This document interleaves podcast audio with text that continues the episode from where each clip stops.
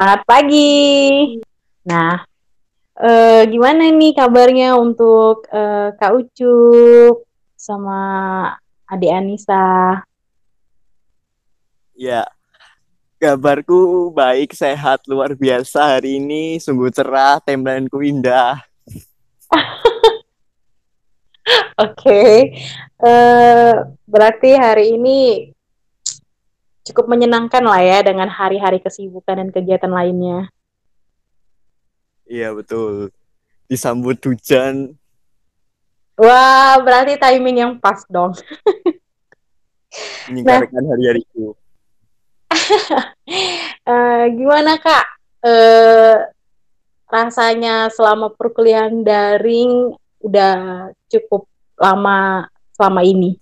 Rasanya ya bisa dibilang senang-senang sedep, nggak jelas gitu.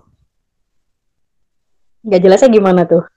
Ya, nggak jelasnya nggak nggak masuk gitu. Banyak KPM yang kurang masuk dibandingkan kalau masuk kelas langsung ketemu dosen tatap muka ketemu teman gitu kalau senengnya sih ya bisa apa namanya rebahan terus lebih bebas lagi bisa disambi ya gitulah bisa FK lah ya iya oke okay.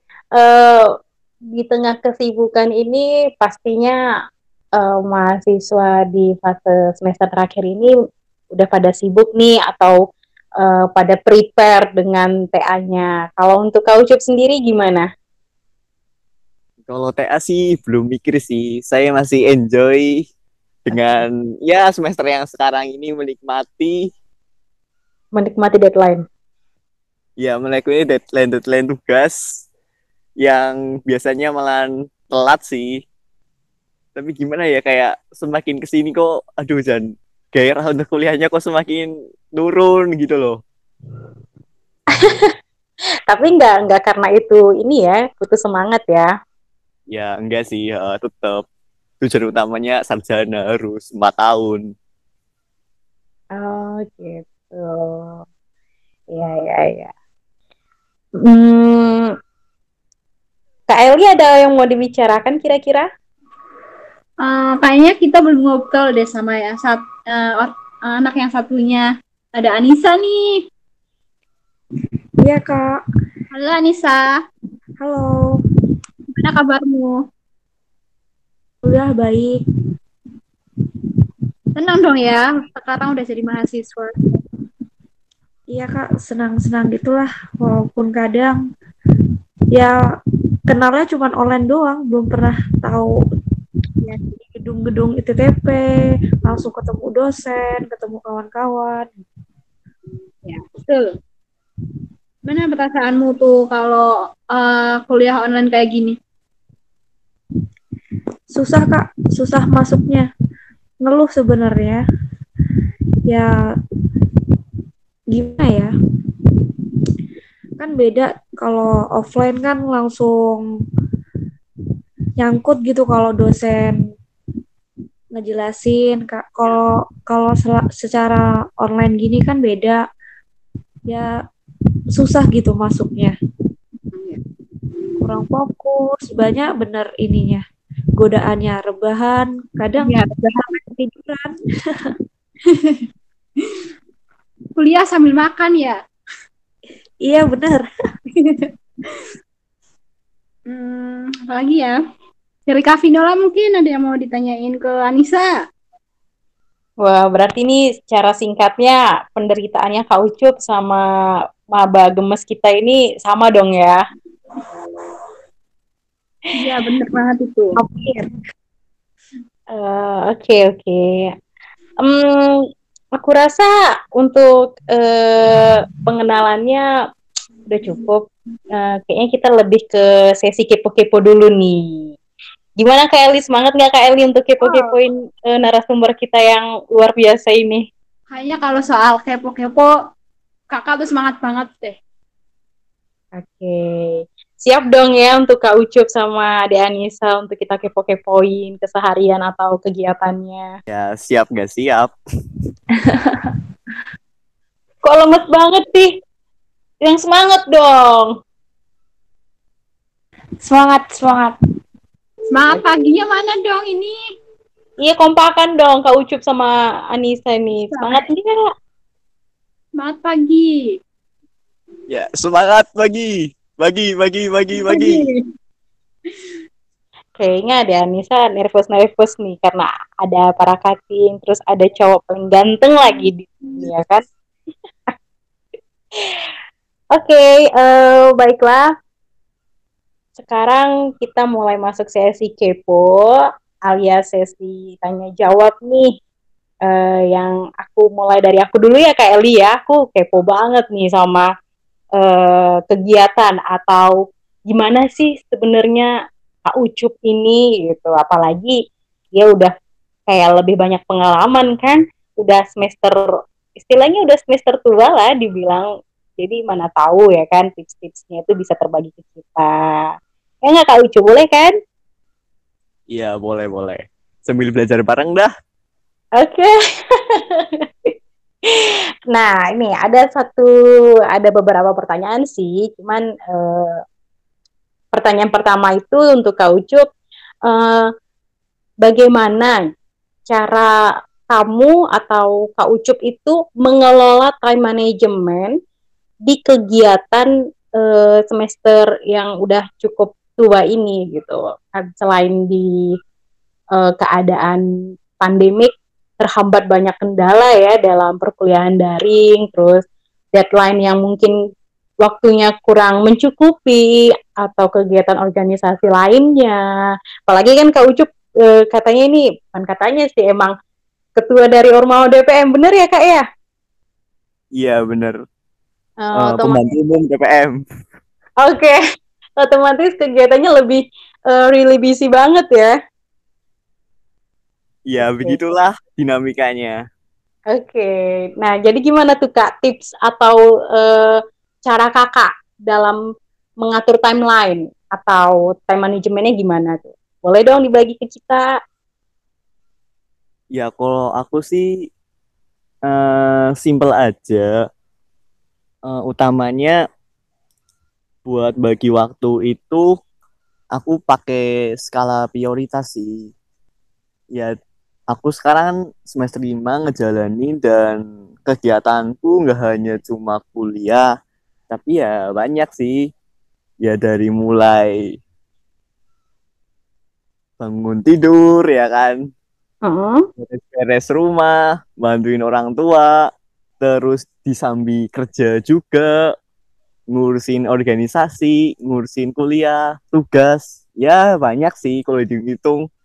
Nah, di sini untuk manajemen skala prioritasnya, aku utamain ketika memang di situ tanggung jawabku dibutuhkan atau penting banget dan kiranya nggak ada yang bisa menggantikan aku atau membackupnya, ya di situ yang aku prioritasin. Tapi ketika di situ ada yang kiranya bisa bantuin aku atau kerja tim, di situ ya Mhm. aku juga minta bantuan dari teman-teman lainnya buat ya ngebantu backup, buat ngurusin ker- ak- kerjain aku yang lainnya gitu.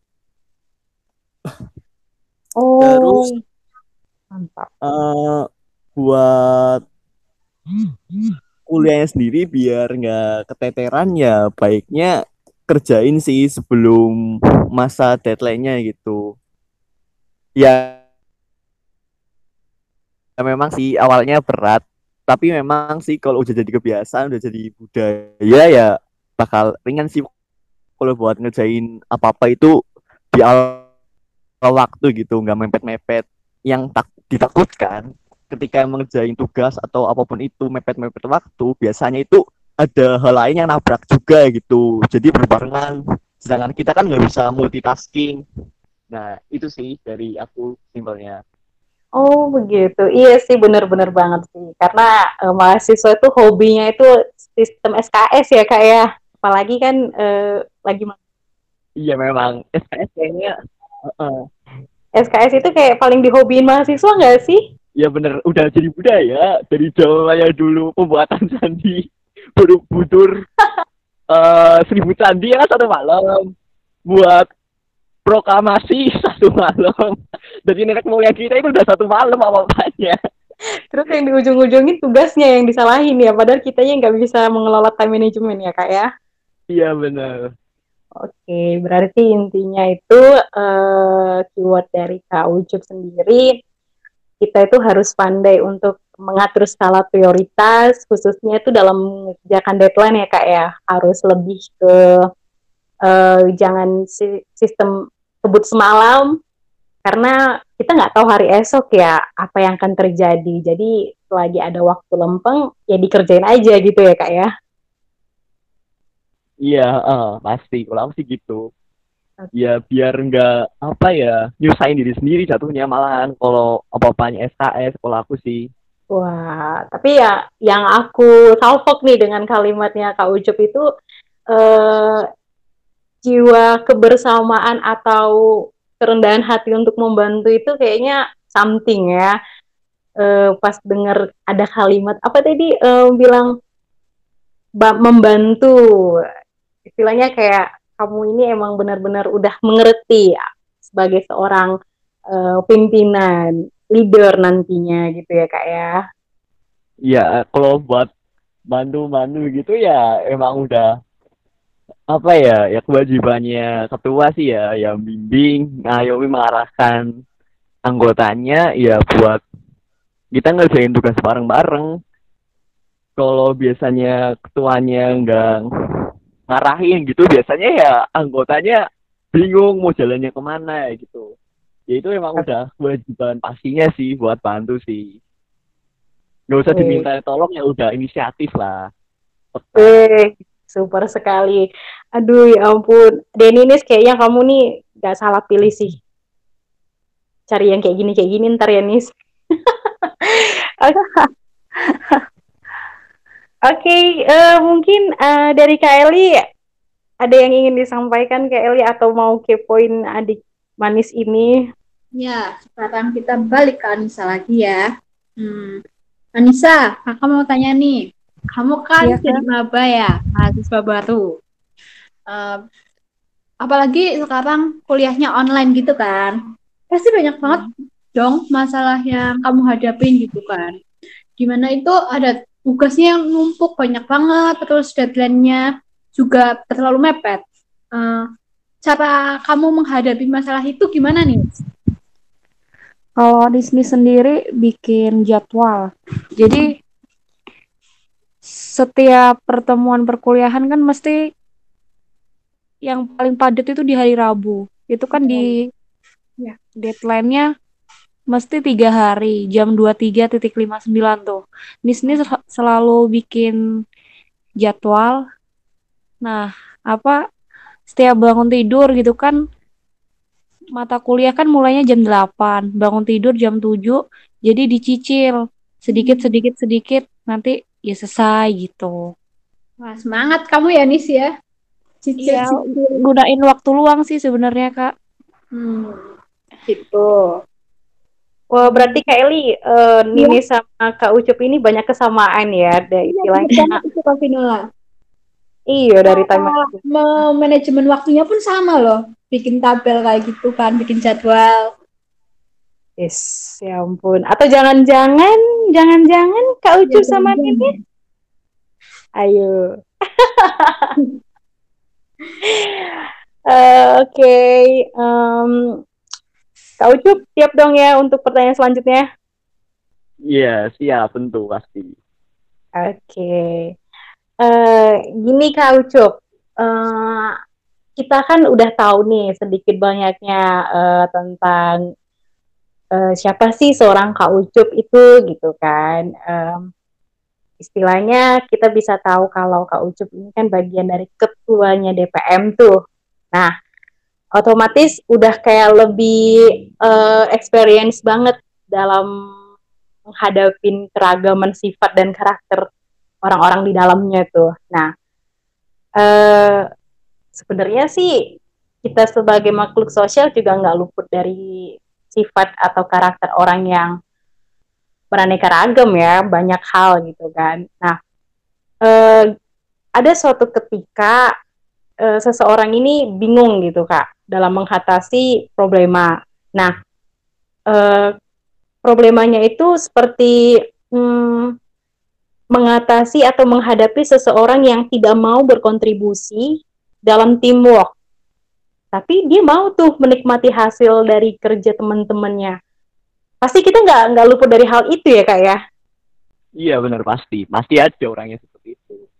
Nah itu tuh kan biasanya eh, jujur ke kita sendiri itu ngerasain, aduh gimana ya, istilahnya kayak kadang hampir bingung gitu nggak sih Kak Ucup mau ngadepinnya gimana gitu pernah nggak sih kamu merasakan wah terkendala di dalam hal itu gitu Ya pernah sih banyak, nggak hanya di organisasi, di kelas pun pas kerja kelompok ya banyak yang urun-urun nama aja gitu. Tapi lama-lama ke sini ke sini aku jadi tahu gitu loh buat ngedepin orang-orang yang seperti itu. Biar ya mereka ada kontribusinya dan mereka bertanggung jawab gitu. oke. Nah itu gimana tuh cara menghadapinya Kalau aku sih pakai cara pendekatan sih. Memang sih eh, dari cara ini sedikit makan waktu ya. Mm-mm. Dari sebelumnya pada dasarnya kan ya kita itu sebenarnya nggak bisa merubah orang lain. Yang bisa merubah or- orang tersebut ya dirinya dia sendiri gitu loh. Kita hanya bisa di matahari untuk orang lain atau memberikan support gitu loh. Nah, kalau dari aku pendekatannya itu ada tiga tahapan. Tahapan yang pertama itu tuh eh, kita melakukan pendekatan eh, sama orang tersebut, kita ngobrol santai, ngobrol yang kiranya itu kita sama-sama frekuensi atau obrolan yang sama kita senangin gitu. Nah, setelah kita dapet tuh eh, obrolan tersebut, kita udah mulai akrab gitu ya. Ya kita akrabin dulu sih sebenarnya tahap pertama. Nah, tahap kedua eh, setelah kita udah akrab gitu tuh, kita mulai tuh di situ eh, ngobrolin lebih lanjut tentang eh, kembali ke kebutuhan kita. Maksudnya ini kan kayak kita kerja kelompok atau teamwork untuk menyelesaikan tugas. Nah, di situ eh, ya aku berusaha kayak aku sebenarnya butuh kamu gitu loh buat kita bareng-bareng nyelesain tugas ini gitu. Dan ya di situ pun ya mulai gitu loh, mulai terjalin. Ya memang pelan-pelan sih, nggak bisa kita langsung paksain to the point. Kamu harus gini gini gini, ya memang sulit gitu loh dipaksain, nggak maksimal juga. Nah setelah kita apa namanya mulai eh, memberikan masukan dan menyesuaikan kebutuhan-kebutuhan untuk menyelesaikan tugas tersebut, baru tuh eh, tahap ketiganya ya kita mulai tuh kerja bareng lah. Saat kerja barengnya, implementasinya, prakteknya itu pun kita ya menyesuaikan waktunya, waktu yang tepat gitu loh. Terkadang kitanya udah bisa tapi eh, rekan kerja kita yang belum bisa lah itu. Jadi ketepatan waktu pun juga penting buat kita sama-sama nyelesain tugas oh gitu. gitu Jadi eh, intinya itu yang aku tangkap nih dari Kak Ucup Ya, itu itu sih tips dari aku buat ngadepin orang-orang kayak gitu. Oh gitu, oke. Berarti tipsnya itu eh, yang aku tangkap intinya yang pertama itu kita nggak boleh langsung menjudgment ya kak ya, gimana orang itu kenapa nggak ikut kontribusi, bener nggak? Iya benar. Jadi eh aku nggak mau mempermasalahkan dia orang, eh dia punya salah apa atau masa lalunya gimana. Tapi ya aku sekarang eh lebih melihat apa yang di aku lihat sekarang gitu dan buat kerjasama kita ke depannya ya harus selesai gitu loh. Kita kerja bareng gitu. Ya kita eh, diskusi bareng-bareng itu sih utamanya. Jadi setiap eh, kita melangkah itu ada obrolannya gitu, ada omongannya biar kita ya sama-sama enak gitu.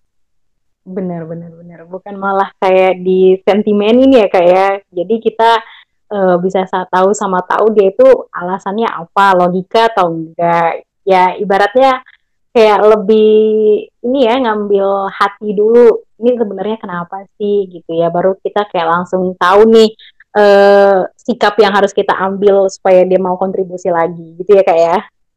Iya benar. Heeh, jadi ya ambil hatinya. Setelah kita sudah ambil hatinya, baru kita di situ ya udah kita udah bisa banyak ngelakuin hal sama dia orang ketika kita udah dapat hatinya gitu sih. Oke oke oke. Wah, bagus juga ya itu. Ah, sharing dari Kak Noval. Sekarang buat Anissa lagi nih, kita balik lagi ke Anissa. Nih, siap kan pertanyaan yang kedua? Siap, Kak. Nah, kakak tuh mau tanya nih, kamu kan oh, kamu udah jadi mahasiswa nih, kuliahan kita juga online gitu. Gimana sih caranya kamu buat mengembangkan dirimu, mengembangkan kreativitas dirimu gitu, atau eh, menjadi mahasiswa aktif di perkuliahan online ini? Kegiatanmu ngapain aja nih, Nis? Kegiatan gimana, Kak, maksudnya? Eh, kan pasti kan adalah kegiatan yang kamu ingin lakukan supaya biar kamu menjadi aktif atau mengembangkan kreativitas yang kamu punya kayak gitu. Yang kamu lakuin tuh apa? Yang Nis-Nis lakuin itu ikut seminar-seminar gitu, Kak. Nambah-nambah wawasan, nambah-nambah pengetahuan kayak gitu. Tuh. Itu sekalian buat TAK ya, Nis. iya. Mengejar TAK nih, masih semangat banget buat ngumpulin TAK. Namanya juga masih maba, pasti semangatnya tuh masih ada gitu. Terus Iya, Kak. Hmm. Itu seminar yang kamu ikutin tuh eh biasanya tentang apa nih? Banyak sih, Kak. Kan banyak share-sharean dari grup WA gitu kan. Ya tentang lebih seringnya sekarang itu tentang memanfaatkan waktu di saat pandemi gitu. Kayak misalnya untuk bisnis, untuk pengetahuan-pengetahuan lainnya. Kamu eh, kan per- iya, pernah ikut yang itu tuh yang tentang eh, bisnis gitu. Punya nggak sih kalau kepikiran buat membuka bisnis gitu, bisnis online atau apa kayak gitu? Iya sih Kak, pernah kepikiran. Apa tuh kalau boleh tahu? Bisnis ini Kak, apa namanya? Hidroponik, tanaman hidroponik. Wah iya sih bener. Selama pandemi ini juga kayaknya banyak yang balik lagi jadi suka nanam-nanam gitu ya. Ya, Bagus sih sharingmu itu. Mungkin dari Kak Vinola Oke. ada yang mau ditanyain. Kita jarang banget ya nemu maba yang bisa punya kepikiran eh, bisnis sampai ke situ gitu. Biasanya kan. Hmm. biasanya kan Kak Eli ya rata-rata kalau perempuan itu eh, cenderung bisnisnya itu Oriflame, Java, kan sih? Skincare ya Kak Vinola ya. Iya bener. Wah, ini sini kayak lebih cinta alam. Nis. Alam. Ya bener banget. Iya Nis, kamu suka alam ya Nis ya? ya Kak suka suka alam. Suka berarti daki ya Nis ya. Ya suka banget. Anak touring ya? Iya betul Kak. Wah, cakep. Kalau Kak Ucup sendiri anak touring gak nih? Kayaknya sama juga deh Kak Vinola. Karena Val, Iya. gimana nih? Oke. Nah, kita masuk ya ke sesi selanjutnya. Hmm, ada satu Apanya nih? kenapa? Kenapa? Gimana apanya? Tadi Lanjut, kan lanjut, lanjut. Anissa Tadi kan Anissa ini suka touring gitu lah. Karena Novel sendiri suka apa enggak gitu, kayak gitu. Kalau aku lebih sukanya itu traveling sih. Traveling ke alam.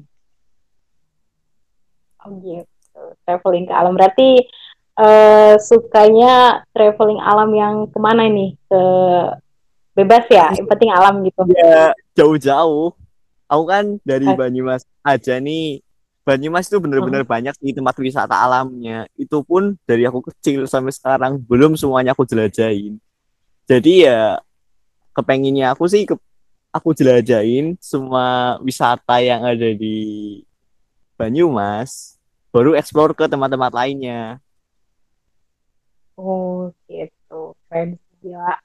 Eh, aku sih berharap eh, generasi muda itu rata-rata tuh punya eh, hobi atau kesenangan itu mencintai alam ya, karena eh, kita lihat sekarang-sekarang ini justru lebih banyak manusia yang egoisme, bahkan eh, terlalu individualisme ya, sampai nggak nggak memperdulikan alam, hingga mereka itu eh, kurang menjaga kebersihan atau melestarikan lingkungan di sekitarnya.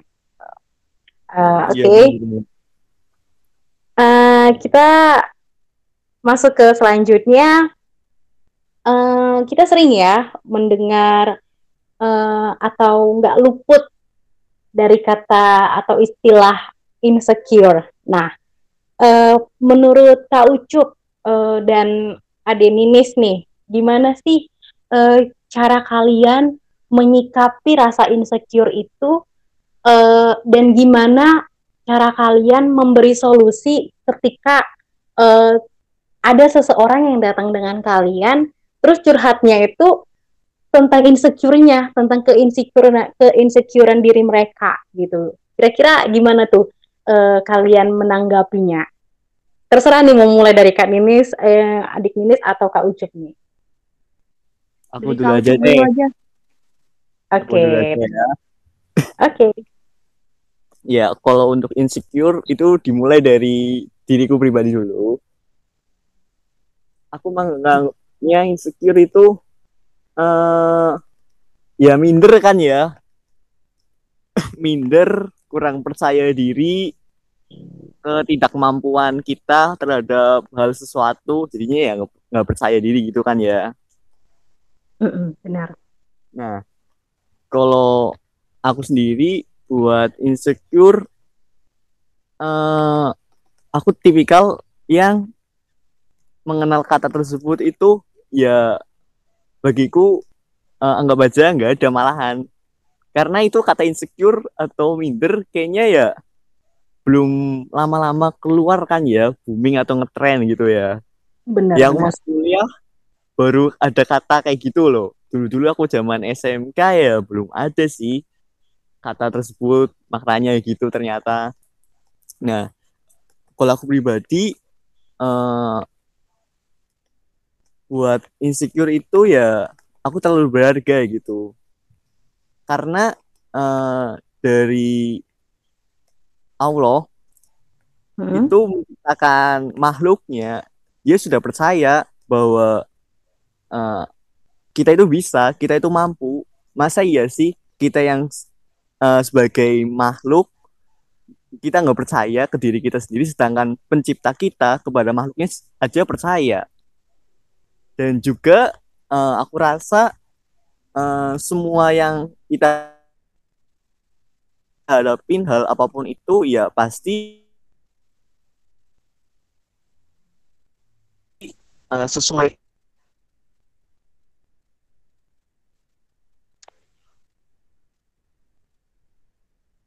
Kemampuan kita yang ada itu sebenarnya eh, kata ayo kita mulai eh, ada dua pilihan itu. Kalau aku ragu-ragu ya aku mundur. Aku nggak ambil kalau aku siap ya ayo gitu.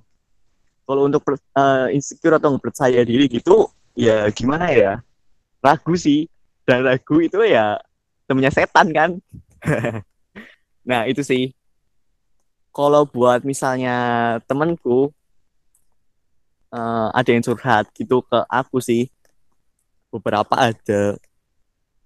Ya aku kasih masukan saran aja sih ke temanku ya utamanya juga kayak gitu sih ya. Cuma memang semua kan punya pandangan pribadi masing-masing ya kan. Kita juga nggak bisa tadi ngejudge eh, orang lain gitu. Kita hanya ya bisa jadi matahari buat mereka. Nah kalau insecure sendiri di teman-temanku itu ya mereka kayak gimana ya berlebihan juga sih. Kayak apa-apanya belum dicoba udah ya nggak bisa dulu atau eh, baru apa namanya ngelakuin hal ini aja ya udah nyerah dan lain sebagainya lah. Ya ya aku tahu sih memang itu lagi di fasenya orang tersebut. Fase orang beda-beda juga ngadepin emosinya juga. Itu memang beda-beda sih. Nah kalau dari aku sendiri ya buat apa ya nenangin teman-temanku itu sih utamanya kita harus bisa mengenali diri kita sendiri sih. Sebisa mungkin kita bisa mengenali diri kita dan juga kita bisa berdamai akan hal kekurangan kita tersebut gitu. Dan semuanya itu kan ya baik hal positif dan negatif ya ada pembelajarannya kalau yang kita dapatkan atau yang kita jalani positif ya itu kenikmatan ataupun rezeki buat kita.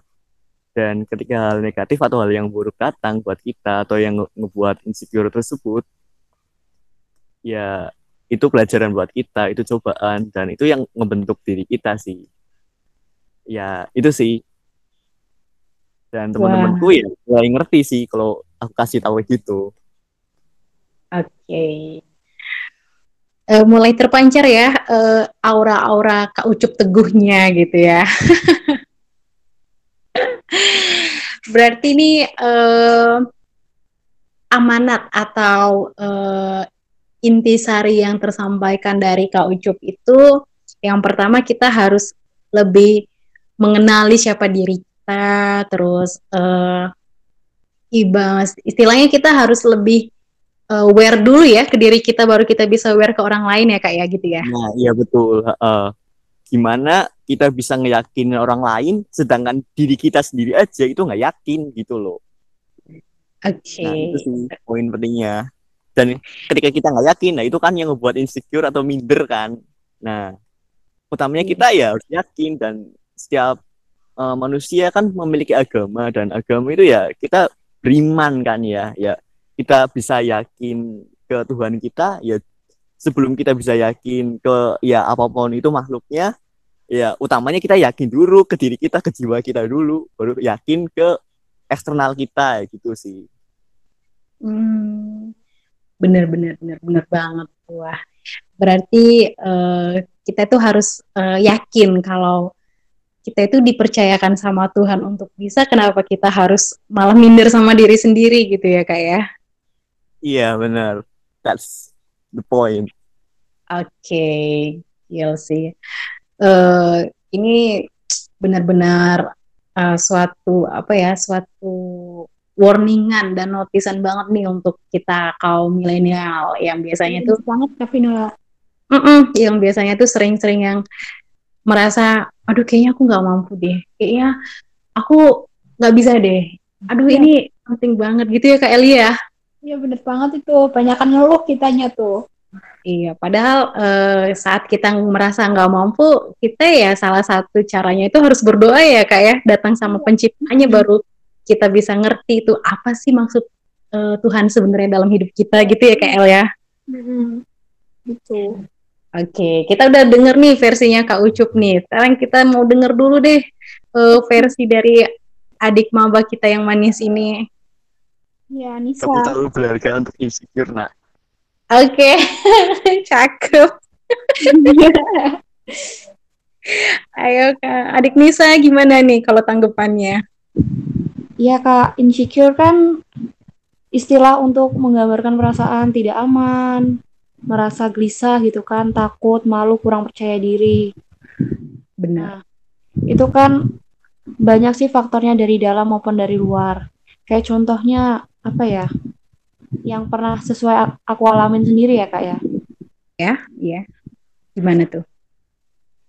Kalau ini insecure di di luar ini secara eksternal. Kayak gini kak. Dipandang sebelah mata gitu sama orang lain. Kayak kayak gimana ya kak? Kayak gampangin gitu. Oh sifat Nisa tuh terlalu gitu ya udahlah seenaknya gitu ke aku gitu pak kalau rasa disepelekan gitu ya ya disepelekan ya benar Oke. Kalau yang kalau yang dari internal itu kayak perasaan untuk kese- kesepian gitu kak. Sifat terlalu perfeksionis kayak kurang bersyukur. Kayak merasa kurang dirinya tuh kayak iri sama orang lain, nggak nggak bersyukur sama diri sendiri gitu. Padahal kan banyak kelebihan di dalam diri orang masing-masing. Bener. Jadi kalau aku ngadepin insecure insecure gitu kan, eh nyampe ngomongnya beda. Insecure. Nah, gitu Kak. Apa namanya? Solusinya sih sebenarnya kan kalau aku sih ngilangin sifat-sifat negative thinking, harus positive thinking terus. Ngilangin pikiran-pikiran negatif harus positive thinking terus. Ya, Nah, itu gimana tuh? Eh, otomatis kan namanya manusia itu kan nggak luput ya dari dari negatif tuh. Nah, ketika hal itu terjadi gimana tuh? Kan balik insecure ya. iya gini Kak, kalau aku sering banget ngalamin gini, udah janjian tuh sama teman. Oke. Nah, tiba-tiba ngebatalin aja gitu secara tiba-tiba nggak nggak nggak mau nggak nggak ngasih alasan yang tepat gitu. Kan ngebatalin kan jadi bete sebel kan. Mm. udah siap-siap udah apa eh taunya nggak jadi gitu kan. Terus kan ya udahlah aku harus hindari rasa kecewa itu. Aku harus berprasangka baik gitu. Oh mungkin ini apa namanya kalau dia nggak bisa berarti aku harus apa namanya waktuku untuk sendiri me time bisa baca buku bisa lihat film kayak gitu Oh, I know. Jadi kayak eh, jangan langsung cepat menjudgment sesuatu ya. ya Oke. terus yang kedua itu apa ya nggak membandingkan diri dengan orang lain kalau aku gitu kak kayak misalnya ih dia apa namanya glowing. Aku kok nggak glowing. Ah ya udahlah bersyukur aja gitu. Masih punya tubuh yang sehat masih punya anggota tubuh yang lengkap. Ya udah sih. Ah, ngapain pakai insecure insecure segala? Kurang bersyukur. Hmm, gitu. Terus terus ada lagi. ngelakuin hal yang membuat bahagia kak Contohnya? ya kayak traveling kayak nyanyi banyak lah kak Oh, kan apa sih hal yang bikin orang bahagia kan beda-beda di diri sendiri Hmm, benar. Berarti eh, kesimpulan atau yang aku dapat dari eh, versinya Anissa menghadapi insecure itu yang pertama ini ya eh, lebih ke ambil me time ya untuk bisa mengevaluasi diri hal mana sih yang perlu diapresiasi dan hal mana yang perlu eh, aku kurangin dari sifat burukku ini gitu nggak? iya kak Oke. Nah, jadi kalau misalnya nih eh, ada teman-teman eh, yang curhat sama kamu tentang insecure, eh, solusi yang kamu kasih tahu itu dengan sikap yang kamu buat ini atau maybe ada hal lain lagi? ya kalau kawan curhat gitu tentang kayak gitu masalah kayak gitu bukannya ngasih solusi aku malah marahin kak udah sih buat apa insecure insecure segala bersyukur kenapa sama diri sendiri nggak perlulah iri-iri sama teman gitu kan Oh, jadi kamu kayak jadi teman teman notice lah ya yang bisa eh, mengingatkan temannya itu kalau di waktu yang salah gitu ya. iya kak Oke, luar biasa banget. Kalau dari versi Kak Ucup tadi itu eh, lebih ke bersyukur, terus eh, nggak boleh menjudgment segala sesuatu. Ya kurang lebih sama lah seperti Ade Anissa. Hmm, menarik, menarik banget malah justru eh, ini sangat eh, mensupport banget untuk kita para penanya ini eh, manfaat-manfaat tentang insecure dalam mengatasi. Eh, Oke, mungkin eh, ada satu sesi terakhir nih yang mau kami kepoin lagi, khususnya Kak Eliana sih. Katanya Kak Eliana nih ingin banget nih nanyain satu pertanyaan ini nih. Bener nggak Kael? Mau nanya apa sih Kael? Ah, iya bener banget tuh Kak Vino. Ada satu lagi pertanyaan buat Kak Noval sama adik kita si Anissa. Kan banyak banget nih tentang toxic relationship kan, misalnya dari persahabatan atau pacaran gitu kan. Gimana sih sikap kalian menghadapi toxic relationship itu? Mungkin Wah. bisa dari Kak Noval dulu nih. Seru nih, seru nih kayaknya. Eh, Topiknya eh, toxic relationship. Oke, kontennya itu pertemanan dan pacaran ya Kak ya? Ya mungkin kalau ada yang dari itu nggak apa-apa kayak gitu. Oke, ini terserah nih mau dari siapa dulu nih, Kak Ucup atau Adeni Anissa ini? Ya betul tuh.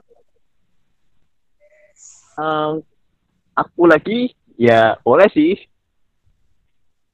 Oke, yaudah mulai dari Kak Ucup aja deh. Gimana Kak? Eh, sebelumnya tadi kan eh, persahabatan dan pacaran ya. Kalau pacaran kayaknya aku belum berpengalaman sih. Kayaknya aku lebih ke persahabatannya aja deh. Oke, gimana tuh? Ya, eh, untuk persahabatan sendiri sebenarnya pada dasarnya dulu aja deh. Eh, kita ya di sini kan sebagai makhluk sosial ya, ya tak lepas dari ya kita berinteraksi komunikasi dengan orang lain. Dan juga yang namanya pertemanan, persahabatan maupun persaudaraan ya atau hubungan apa pun itu semuanya nggak ada yang permanen. Pasti ada yang namanya perpisahan kan ya nggak tahu kapan itu tapi pasti ada yang namanya perpisahan. Nah kalau dari aku sendiri eh, dari kecil sampai sekarang jujur aja sahabatku cuma satu. Dia yang dari dulu kecil aku kenal ya ibaratnya teman dari lahir lah ya sampai sekarang gitu. Ya sampai sekarang masih komunikasian masih main bareng gitu. Itu satu sahabat dan yang aku aku anggap sahabat gitu loh. Yang lainnya ya aku anggap teman biasa teman kerja teman organisasi dan lain sebagainya. Dan di sini yang kenapa aku hanya punya satu sahabat yang aku anggap gitu ya. Tapi nggak tahu sih yang lainnya aku anggap apa enggak. Nah karena gimana ya Marah. Eh, dari definisiku pribadi sahabat ya dia yang datang ketika kita susah dan juga ketika kita senang tapi lebih banyak datang sih ketika kita senang emang bullshit juga sih sahabat datang ketika susah jarang banget angel asli Bener, bener, bener. Nah, di sini, nah itu yang ngebuatku gimana ya? Aku juga nggak mau pu- punya banyak sahabat karena ya itu eh, aku sudah sering ngalamin kayak gitu loh. Datangnya ketika ada butuhnya, ketika ada senangnya doang. Setelah itu ya udah terseleksi alam gitu loh. Lebih baik aku ya temenan sama semua banyak orang, semua apa ya orang aku anggap teman bisa gitu cuma di sini kan ya utamanya aku temenan ya simbiosis mutualisme. Ketika kita eh, saling menguntungkan ya udah kita lanjut terus temenannya. Tapi ketika eh, oh tahu gitu loh aku tahu tem- temenan temenan ini hubungan ini aku sama temanku gitu mulai ke kok tosik kok mulai banyak ruginya aku ya udah aku tinggalin gitu loh. Aku sih simple gitu orangnya. Kamu merugikan ya wes bye dan dari situ ya memang banyak sih pelajaran. Eh dari rasa pahitnya pertemanan rasa senangnya ya memang banyak. Dan itu ya juga ngebentuk kita jadi diri kita yang sekarang gitu. Dan- juga ya nggak lepas dari lingkunganku lingkungan sosial. Karena utamanya aku bisa jadi yang sekarang seperti ini karena circle cir- circle lingkaran pertemananku sosialku ya aku tetap apa ya jaga gitu loh.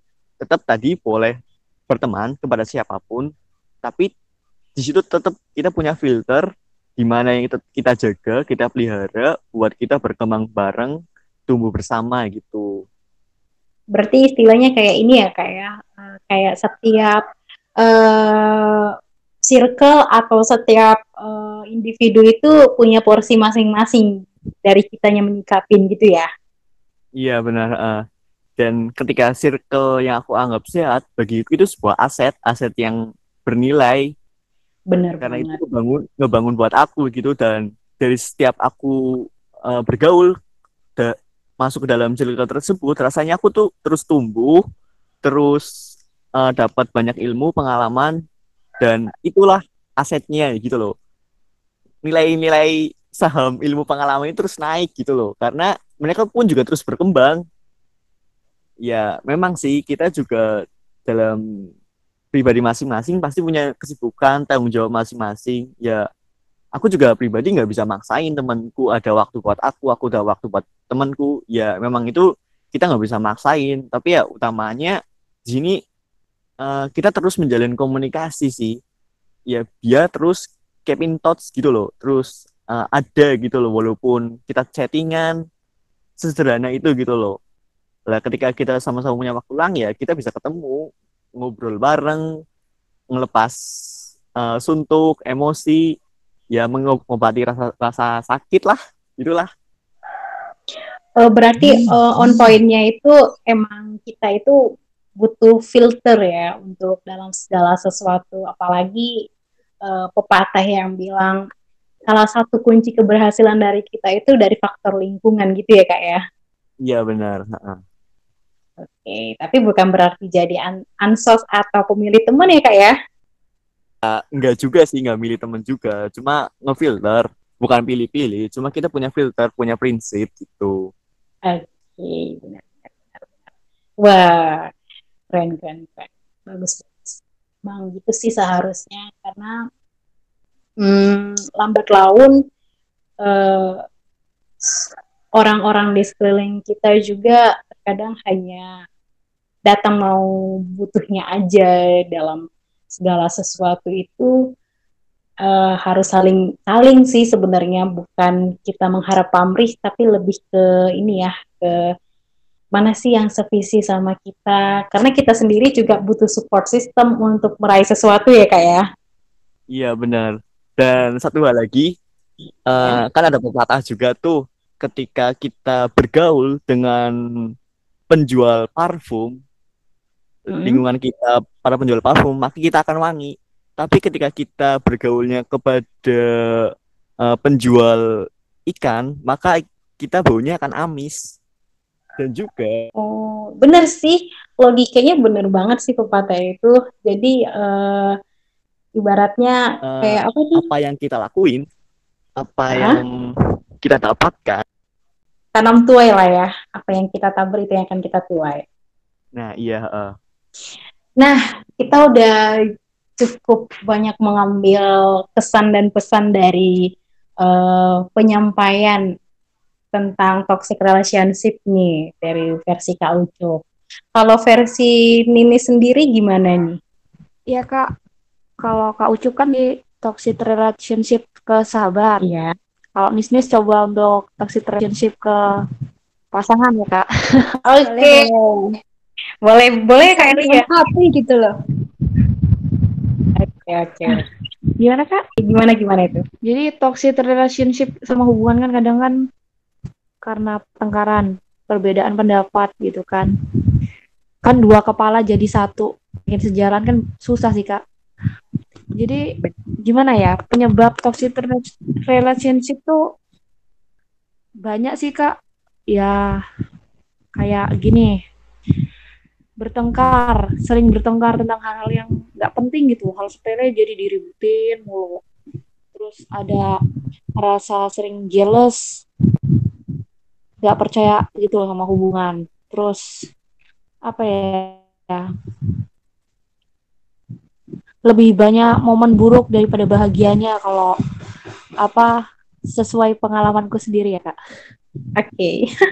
boleh, boleh, boleh. Gimana? ya pokoknya gitulah kak pokoknya toxic relationship sama hubungan tuh pokoknya hal yang buruk tuh lebih baik ngapain sih dilanjutin gitu kan. Nah, aku punya solusinya Kak, kalau udah ngalamin gitu kayak yang aku sebutin tadi itu kayak apa-apa dikekang, kayak sering bertengkar sama hal-hal sepele gitu kan.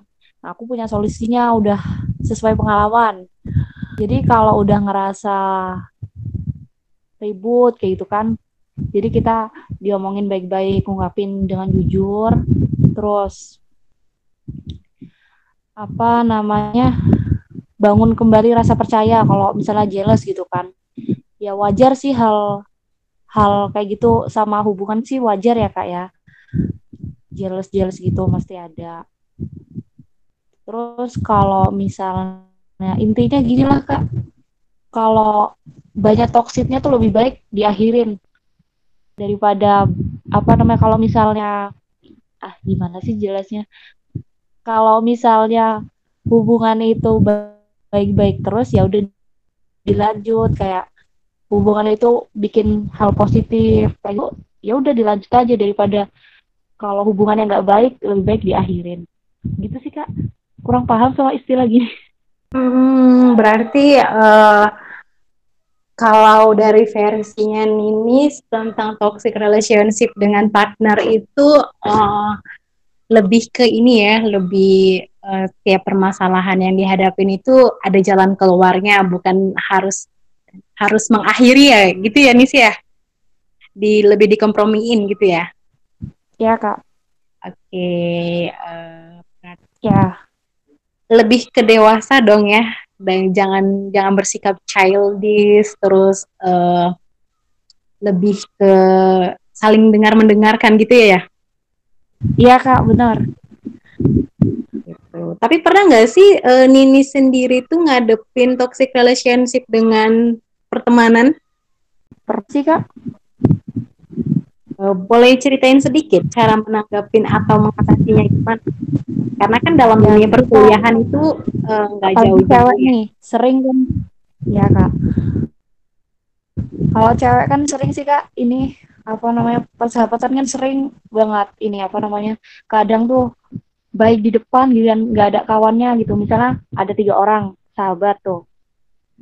Terus satunya nggak main bareng gitu. Sering banget diomongin digibahin kayak gitu. Ah perasaan nggak penting banget sih ngapain ngegibahin kawan sendiri kan. Ya udah sih sebenarnya toxic relationship sama sahabat tuh apa ya? Eh jarang sih kak ngalamin kayak gitu sama sahabat sendiri. Oke baik baik baik baik. Cukup menarik ya kak Eli ya. Gimana kak Eli? Udah udah terwakilkan belum nih jawaban-jawaban dari versi kak Ucup dan uh, adik Anissa ini Uh, sangat menarik banget sih penjelasan dari mereka tuh. Kalau dari Kanoval banyak banget kata-kata mutiaranya gitu ya. Terus Anissa mungkin ke pasangan lebih utamanya. Tuh. Oke. Okay. Uh, eh, um, kayaknya kita udah cukup ya kayak ya ngekepo-ngekepoin orang Kak Ucup sama De Anissa ini ya Kak El ya. Iya udah cukup kita nih buat kepo-kepoin mereka lah berdua. Oke, okay. uh, eh, gimana Kak Ucup sama Dekanisa? Uh, merasa lega dan uh, merasa ini kan, merasa nggak keberatan ya kalau kita tanya-tanyain kayak gitu kayak tadi ya Kak ya? Enggak sih, setuju. Ya. Malahan enak sih, kayak lepas emosi ketika aku cerita ngomong gitu berinteraksi justru itu sebagai obatku sih obat penat ngilangin stres gitu. Justru ketika aku diem dan lain sebagainya itu yang membuatku ah jenuh stres bisa. Oke, okay. mantap mantap. Uh, adik Nisa juga no problem ya kalau kita kepo-kepoin tadi ya. Iya kan nggak apa-apa. Oke, okay. ya kiranya uh, sampai di sini dulu untuk uh, pertemuan uh, sesi podcast. Iya, sesi kepo yang melalui podcast ini kami kira uh, ini udah sangat cukup membantu kita khususnya ya Kak Eli ya mendengar iya, tips-tips dari mereka dari pertanyaan yang yang sering dialamin sama kaum milenial ya Kak Eli ya. Iya. Oke, okay, dari saya pribadi uh, saya akhiri Eh, terima kasih untuk eh, Kak Ucup dan adik Anissa telah meluangkan waktunya eh, untuk berbagi kisah dan cerita dengan kita. Dari Kak Eli gimana? Dari aku makasih banyak buat Kak Novel dan ada Anissa udah mau jadi udah mau kita kepo-kepoin kayak gini. Iya, sama-sama Kak. Ya, kok sama-sama Kak. sharing-sharing menambah insight baru buat kita. Oke, mantap, mantap, mantap. Eh, ya udah kita akhiri dengan eh, Assalamualaikum warahmatullahi wabarakatuh. Selamat sore untuk kita semua. Selamat sore.